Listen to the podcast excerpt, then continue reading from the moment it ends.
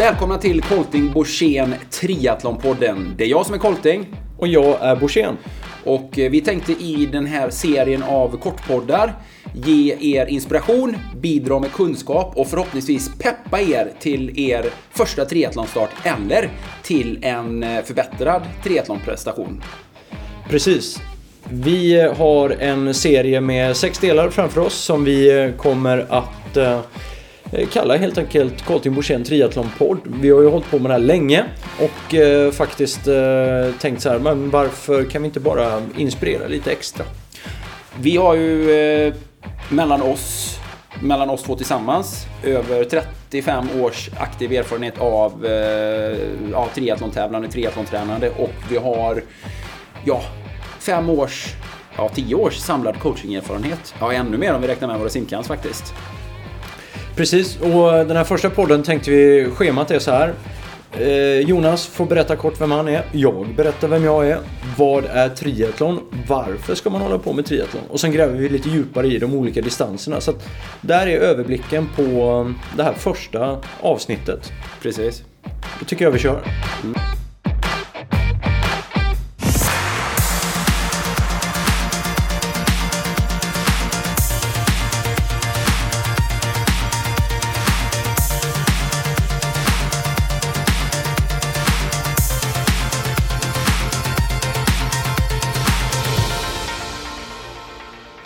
Okej Jonas, eftersom det är lite klurigt att presentera sig själv så tänkte jag så här. eh, Du kan väl börja med att presentera mig så presenterar jag dig.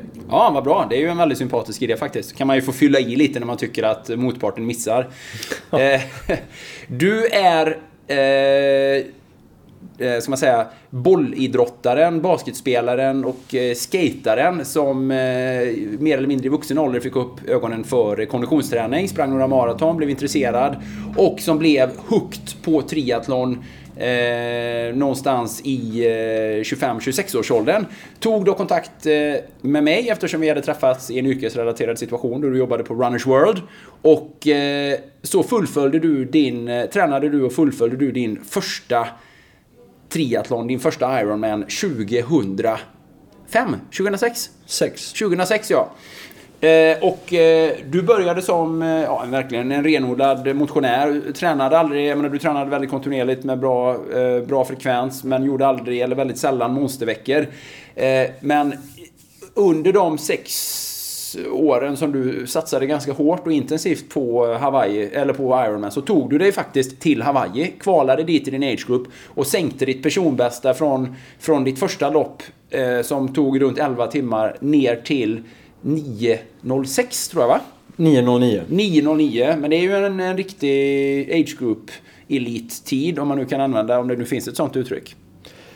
Ja, eh, så kan man ju säga. Och sen så har du tagit den här eh, kunskapen eh, ifrån både då den aktiva triathlonkarriären och allt yrkeskunnande som du har genom entreprenörskap och grafisk design och filmproduktion och så vidare och tillsammans med mig då format den här kunskapen och omsatt den till det vi nu gör i Colting Borssén.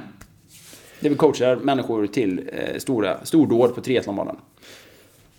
Var det en bra presentation av dig? Jättebra, tack så du ha. Tack. Och det känns ju nästan lite överflödigt eh, för er som inte vet vem Jonas är. Jag ska försöka säga det ni inte vet om Jonas. Nej då, Jonas är ju en eh, triatlet av rang. eh, Kanske glansdagarna var på i början av 2000-talet med VM och EM-medaljer. Långdistans triathlon. Eh, har varit med och grundat, fött och stöttat sporten swimrun eh, sedan dess begynnelse. Vunnit Ö till Ö flera gånger och eh, varit med, är den enda deltagaren faktiskt som har varit med Ö till Ö alla, startat alla år. Stämmer det? Och eh, sen kan man ju säga, ja ditt yrke idag egentligen föreläsare, inspiratör, eh, skribent, debattör eh, och eh, sysslar med eh, den här coachingen tillsammans med mig eh, där vi har samlat ihop allt vårt kunnande. Ja, vi, skulle kunna presentera det i evigheten där men jag lämnar det ungefär så. Ni... Och man kanske, om man eh, inte har sett mig i något tidigare sammanhang så kanske man såg mig när jag coachade eh, några killar på TV4s Riktiga karlar.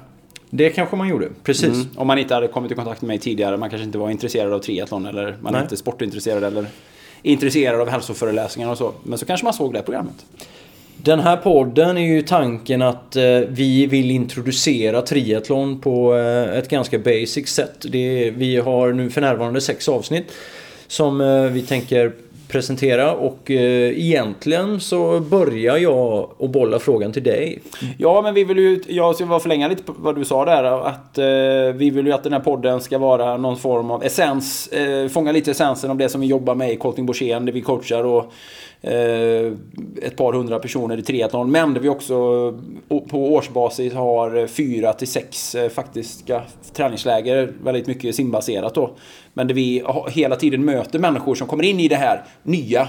Och alla är nervösa och alla känner sig dåligt förberedda och, och det är väldigt många som inte ser framför sig hur det ska kunna gå till att kunna ta sig i form och lära sig eh, de färdigheter och bygga upp den fysiken som krävs för att kunna klara av en halv eller hel Ironman.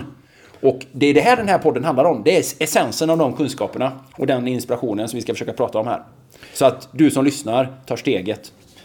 Och man kan ju också säga det utan att bli för långrandig där att både du och jag Jonas, jag menar du på i början av 90-talet eh, när du började med triathlon eh, ställde dig väldigt många av de här frågorna också. Hur tränar man? Hur ska man bli bra på lång distans? Hur ska man, likadant som jag gjorde när jag kom in i triathlon, då vände jag ju mig till dig faktiskt och mm. frågade men hur ska man ens kunna springa ett maraton efter liksom, eh, sån här lång simning och cykling? Precis. Så de frågorna kommer vi ta upp här. Men första frågan jag ställer till dig är så här, Vad är triathlon? Triathlon är kombinationen av simning, cykel och löpning. Eh, det är eh, nästan alltid i ett streck så att säga. Det finns ju några få triathlon-tävlingar, ironiskt nog en som jag har vunnit två gånger som heter Ultraman. Där man har det lite uppstyckat, uppdelat och sådär. Eh, men eh, i den absoluta merparten av alla triathlon-tävlingar så är det eh, en simning i öppet vatten som följs av en cykelsträcka som följs av en löpning. Nästan alltid på vanliga vägar, landsvägscykel eller ja, om det är Eh, långdistanstriathlon så kör man ju på en tempocykel individuellt. Kort, kort triathlon på elitnivå, det som heter kortdistans och det som är med på OS. Då kör man ju cyklingen på samma sätt som man kör ett linjelopp i cykel. Eller, eller som på Vätternrundan när man sitter i en klunga och cyklar. Då. Sen finns det ju också en triathlonserie där cyklingen är mountainbike, där, eh, som heter Xterra. Men där det fortfarande då är simning, cykel och löpning. Så att eh, det är ju en, en tuff konditionsidrott med, eh, där man kombinerar tre av de ja, tuffare konditionsgrenarna som finns. Och du nämnde lite där distanserna då. Eh, Ironman, Ironman är ju ett, eh, en organisation, ett varumärke, en arrangör av både det man kallar 70,3 som är då halv Ironman-distansen. Och sen är det då det man kallar då Ironman fullängd eller ja, en hel Ironman. Kan du bara spesa exakt distanser och sen också olympisk distans och det man kallar sen, vad är långdistans? Nej men eh, Ironman är ju ett varumärke. Eh, men det är också, man kan också säga Ironman-distans. Alltså, eh, distansen är vad varumärket heter. Men man, man, får ju inte döpa en tävling. Även om vi skulle starta en tävling i Borås på en Ironman-distans får vi inte vi kalla den för Borås Ironman. Utan vi får kalla den för Borås Triathlon på Ironman-distans. Så att en tävling får inte vara brandad Ironman. Men eh, man simmar ju 3800 meter, man cyklar eh, 18 mil, eh, man springer 42 kilometer. Och det här är ju triathlonsportens mest ikoniska distans och många brukar ju göra misstaget och säga att det var där sporten föddes på Hawaii då 1978. Men det är ju faktiskt inte sant utan sporten har ju sitt ursprung i San Diego där man körde då några former av eh, någon sån här embryon till triathlon-tävlingar under ja, tidigt 70-tal och, mitten av 70-talet. Eh, där man eh, inte hade några standardiserade distanser eller någon standardiserad ordning. Flera av tävlingarna så växlade man mellan simning, cykel och löpning flera gånger om och så vidare. då. en del tävlingar var egentligen bara som aquathlon eller nästan som swimrun där man sprang och simmade på stranden. Eller ja, sprang på stranden och simmade i havet och sådär. Eh, men eh, det var ju det som var så intressant att, eh, att människor som hade varit då i San Diego och sett den här lilla triathlon så att säga subkulturen då, den här begynnande subkulturen, tog med sig den idén till Hawaii då och i vetskapen om att det då fanns tre stycken ikoniska Hawaii-event. Det finns en simning som heter eh, Waikiki Rough Water Swim som är 3800. Så gick det en cykeltävling runt Oahu som är 18 mil och så har man Honolulu Marathon som är 42 kilometer. Så att då idén föddes då att typ why don't we try to put these three events together and make it eh, like one of these crazy triathlons. Och det var 40 år sedan? Ja, 1978 precis. Ja. Man hade ju 40-årsjubileum. Så att eh, sporten hade ju sin, sin, sin absoluta födelse, ursprungspunkt i liksom på, runt San Diego, på stränderna där. Eh, och sen så blev ju då navet i den, allt sen då när triathlonsporten utvecklades eh, och centrum för långdistans triathlon är ju fortfarande Ironman på Hawaii då, där man har kört då sedan 1978. Eh, men sen då när sporten utvecklades genom åren, eh, allt eftersom, så utkristalliserades det ju väldigt tydligt att Eh, triathlon, triathlon är ju sporten, det är ju simma, cykla, springa. Ironman är ju distansen och det blev ju liksom många andra distanser. Eh, det mest naturliga var ju då att ha en halv Ironman.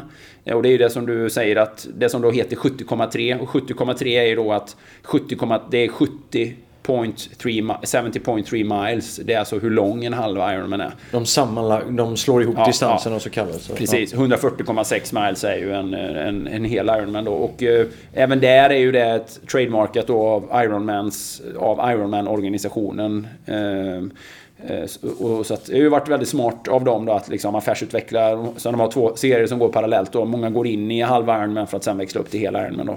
Men sen eh, när man får en sport som börjar växa och som på sikt som blev global ganska snabbt som triathlon blev så krävs det ju någon form av styrning och organisation.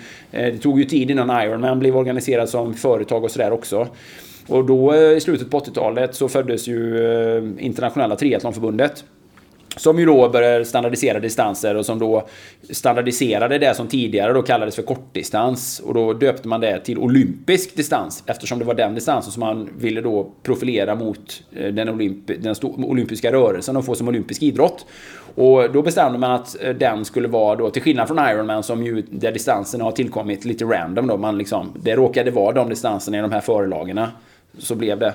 Men på olympisk distans så försökte man mer konstruera att det skulle ja, bli en typ en, en bra rättvis tävling. Eller på något sätt att det skulle eh, att ingen distans blev orimligt lång och så. Men så att, eh, då blev det 1500 meter simning, 4 mil cykel och 1 mil löpning. Så 1500 40 10 brukar man ju säga då, det är olympisk distans. Och sen Eh, och det är ju typiskt då styrt eller organiserat av ITU, Internationella Triathlon, International Triathlon Union. Och det är ju under deras flagg som också då Svenska Triathlonförbundet löper och så här. Så man kan ju säga att allting som är, som är så här sprint och olympisk har i regel med förbundsarrangerade tävlingar att göra. Det är där det arrangeras SM, eh, Svenska mästerskap, nationella mästerskap. Det finns ett officiellt VM på det. Sen, har sen finns det ju också det som kallas för långdistans inom ramen för organiserad, alltså förbundstriathlon, eh, liksom, där det finns ett riktigt organiserat förbunds-VM då. Och det var ju det som var min specialdistans. Eh, och, och det är alltså vilka distanser? Då, då är det 4 km simning, 12 mil cykel, 3 mil löpning. Och det mm. var ju min bästa distans som triatlet då. Eh, medans, och, och det är ju då ett det är ju förbundet, internationella förbundet, nationella förbund då liksom. Vilket ju, är, ja, vilket ju är en annan form av mästerskap än när en privat organisation bestämmer. Men Rätta mig om jag har fel, det har aldrig funnits en olympisk långdistansgren i triathlon. Nej. Alltså, nej. Det, det, är ju, det är ju, triathlon är ju tillräckligt långt som det är olympisk distans liksom. Och, och eh, det är klart att det hade varit önskvärt att ha en, en... hade varit jättekul under min aktiva karriär om man hade kunnat haft en riktig långdistans också. Då hade det ju varit magiskt att få chansen att tävla där. Men det fanns inget utrymme för det. Och nu, den grenen som har kommit in på OS till 2020 nu, så är det olympisk triathlon. Där man kör så supersprint triathlon, där man kör stafett. Där, eh, där man har då fyra deltagare i ett stafettlag och då kör... Eh, Mix? Ja, precis. Två herrar, två damer. Och då kör alla i laget, eh, jag tror det är 300 meter simning, 12 kilometer eller 8 kilometer cykel och 2 kilometer löpning. Alla kör samtidigt? Nej, nej. Stafett. Stafett. Stafett. En ja. kille kör, växlar till växlar, en tjej. Simmar. Kille. simmar ja, alla kör ju den här korta triathlonen. Ja, just det, just det. alla kör den korta triathlonen. Ja. ja. Okay. Man kör en sprint, en här supersprint och så. Så det finns ju olika varianter. Det finns ju tävlings, professionella tävlingsserier där man kör så här sim, sim cykel, löp, två varv. Så att efter första löpningen så hoppar man tillbaka ner i vattnet. Mm. Och sådär. Så det finns ju en del olika... Men idag är det ju väldigt utpräglat. Alltså är du, är du olympisk triatlet, eh, typ Lisa Nordén, eh, tävlar du i olympisk distans och satsar på OS, då är det ju då är ju en, en kortdistansare om man säger så. Mm. Eh, det är ju väldigt få eh, som håller på med både och. Både Ironman och det där. Ja, på hög nivå i alla fall. Mm. Ja, det gör man inte idag riktigt. Utan det gjorde man ju förr i tiden. Om vi pratar eliten. Ja, ja, ja. ja absolut. Eh, eh, förr i tiden, alltså, så, ja, egentligen långt in på ja, 00-talet så kun, hittade vi ju triatleter som var jätteduktiga på både kort, eller på, ja, kortdistans och långdistans och som kunde köra både ITU-VM och Ironman. Vi har ju 1995 exempelvis så vann ju Karen Smyers först Ironman på Hawaii och sen sex veckor senare så vann hon ITUs olympisk distans-VM då i Cancun. Det kan aldrig ha hänt. Nej, det kan aldrig hända, nej, det kan aldrig hända idag. Det Nej. skulle aldrig hända. Nej, det skulle aldrig hända att Daniela Ryf eh, vinner Hawaii och sen nu tävlar man ju dessutom i en VM-serie på kortdistans där man liksom... Ja. ju, man blir världsmästare på, i en cup. Eh, Så att det är, lite, det är ju lite skillnad naturligtvis då. Men eh, man kan ju säga så här att eh, triathlon har ju lika mycket bredd som löpsporten har. Kanske inte om man tänker att man inkluderar, inkluderar liksom sprintlöpning. Men om man tar, eh, om man jämför exempelvis, ja det är en jättestor skillnad att satsa på 1500 meter bana. Friidrott alltså. Och eh, jag menar, det är ju jätteskillnad bara mellan 1500 och 5000. Och än mer mellan 1500 och 10 000. Och det är stor skillnad mellan 5000 och 10 000. Och det är stor skillnad mellan 10 000 och maraton. Och det är stor skillnad mellan att springa 3000 meter hinder eller 5000 meter. Alltså så, här, va, så att det är ju så att man får ju nischa sig och man blir ju duktig på just den distansen. Sen kan man ju säkert prestera bra på andra distanser. Men, men just den här att eh, man får specialisera sig och så har det ju också blivit i triathlon. Och eh, det har ju hänt otroligt mycket de senaste ja, 10, 15, 20 åren. Alltså, och sen jag började är ju det, det är helt, är helt otroligt. Men sen ska man ju komma ihåg något intressant också Jojje. Och det är ju det att eh, eh, Medan väldigt mycket i sporten utvecklats, konkurrensen är hårdare. Eh, hela liksom, triathlon-nätverket. Vi lever i en helt annan värld idag där vi kan dela kunskap. Vi lever i en digital värld. Det finns mm, hur många coacher som helst. Det finns jättemycket eh, triathlon på YouTube. Liksom, det är väldigt lätt att skaffa sig kopplingen och förstå sådär. Va? Men, och, att, eh, och allting runt triathlon, tekniken och mätbarheten är så mycket högre. Men man ska ändå komma ihåg att den tidiga generationen triatleter förstod det här med träning väldigt tidigt. De som har kommit och bildat skola med träning, det som har format mig och vår coachingfilosofi, de gjorde ju väldigt mycket rätt från start. För att de var väldigt benägna att experimentera och testa. Så att man ska komma ihåg att redan för 30 år sedan, 1989, så vann man ju Ironman Hawaii på 8.09. Och de satte under den tävlingen ett banrekord, eller ett löpbanrekord som stod sig fram till förra året. Och som faktiskt egentligen egentligen fortfarande står sig eftersom man på den tiden också räknade med, räknade med växlingstiden från växling nummer två. Idag räknar man bara den rena löptiden. Just det. Så att det är ganska fascinerande att eh, väldigt tidigt eh, den tidigare generationen triatleter som var experim- experimentbenägna förstod det här med en intuitiv känsla för hur man kan bedriva triathlon och vad det är som gäller med kontinuitet och långsiktighet och att inte träna för mycket intensitet och att inte köra för hårt utan att det handlar väldigt mycket om den totala mängden och summan och eh, the repetition is the mission.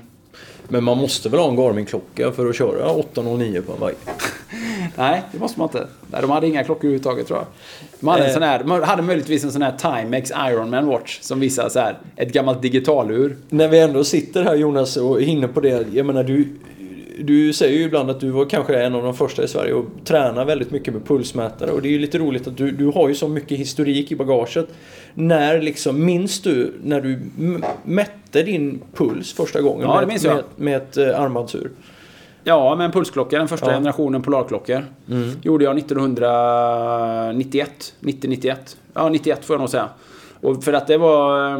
Eh, jag minns att eh, vi, jag och min kompis på gymnasiet, som också började med triathlon samtidigt som jag, eh, bestämde oss att vi skulle göra ett specialarbete tillsammans om just pulsmätning i triathlon.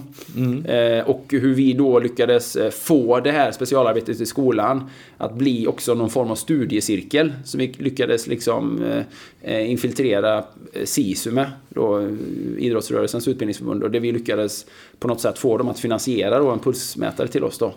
Och då, den var ju inte trådlös då kan man Nej, säga. nej, trådlös. Det- Ja, eller trådlös. Jo, den var ju trådlös. Det är klockan mellan... Ja, till klockan, men det var en kabel mellan klockan och, och pulsbandet, var det nej, inte det? nej, det Var gick, de- Nej, det gick trådlöst. Mm. Ja, okej. mm, det gick trådlöst. Så, Ja. så att, absolut. Eh, däremot fanns det ju liksom inget, det fanns ju ingenting att ladda upp mät, mätningen från klockan. Och man kunde ju så här... Ehm, man fick ju liksom så här, det, fanns ju, det var ju ett batteri i klockan det handlade om. Som, som liksom, och minnet blev ju fullt väldigt snabbt. Liksom. Man var tvungen att tömma minnet. Och om du exempel, man kunde ju välja då att mäta att det mätte var 50, sek- att det lagrade var 50 sekund. Eh, var eh, 30 sekund eller varje minut. Att den lagrar in ett, Du kan ju tänka dig en klocka som bara lagrar pulsvärdet varje minut. Så absurt liksom. Det gäller att hålla i.